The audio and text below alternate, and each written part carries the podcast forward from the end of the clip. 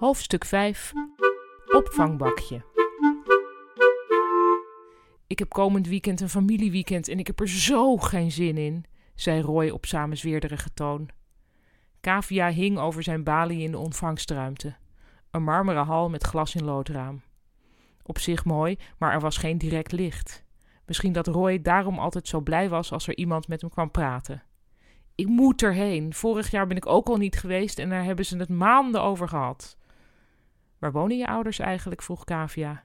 In Wansveld, zei Roy walgend, alsof Wansveld in de gulag lag. Goh, zei Kavia, ik geloof niet dat ik daar ooit van gehoord heb.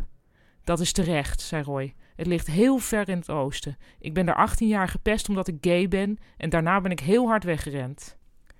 Ik hoor helemaal niet aan je dat je uit het oosten komt, zei Kavia, en ze vroeg zich meteen af of je zoiets tegen iemand kon zeggen. Niet dat het erg zou zijn hoor, voegde ze er snel aan toe. Ik vind accenten juist leuk. En nu stoppen, maande ze zichzelf. Roy staarde duister voor zich uit. Ik heb heel lang geoefend om dat accent kwijt te raken. Kavia kende Roy niet in deze hoedanigheid. Nou, zal ik even een lekkere dubbelsterke cappuccino uit het apparaat toveren? vroeg ze opgeruimd. Hé ja, schat, heerlijk, zei Roy. Zijn gezicht klaarde alweer op. Kavia liep naar de pantry, tapte twee cappuccino's en gooide uit elk bekertje een scheutje weg. Daarna drukte ze op espresso en hield eerst het ene bekertje en toen het andere bekertje onder de straal. Het was een milde vorm van verspilling en het opruimbakje was eerder vol dan strikt noodzakelijk, maar de cappuccino werd er beter van. Ze liep naar Roy. Eén cappuccino doppio voor de meneer uit Wansveld, riep ze. Oh, Kaaf, je bent onze eigen kantoorbarista, jubelde Roy. Tevreden over dit eenvoudige genoegen liep Kavia naar haar plek. Annabeth was er niet, Stella was naar de tandarts. Het was een heerlijke ochtend.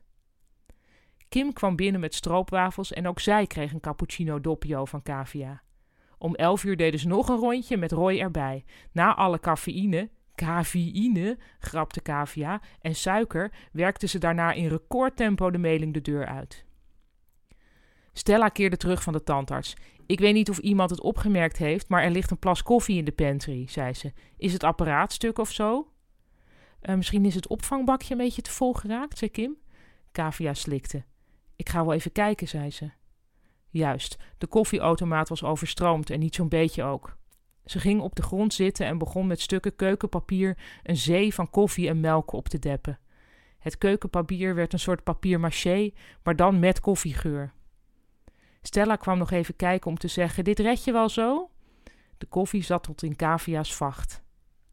Die avond ging Kavia vroeg naar bed. Het was al met al een lange dag geweest. Toch kon ze de slaap niet vatten. Pas na twee uur begreep ze hoe dat kwam. Haar vacht rook nog steeds naar koffie.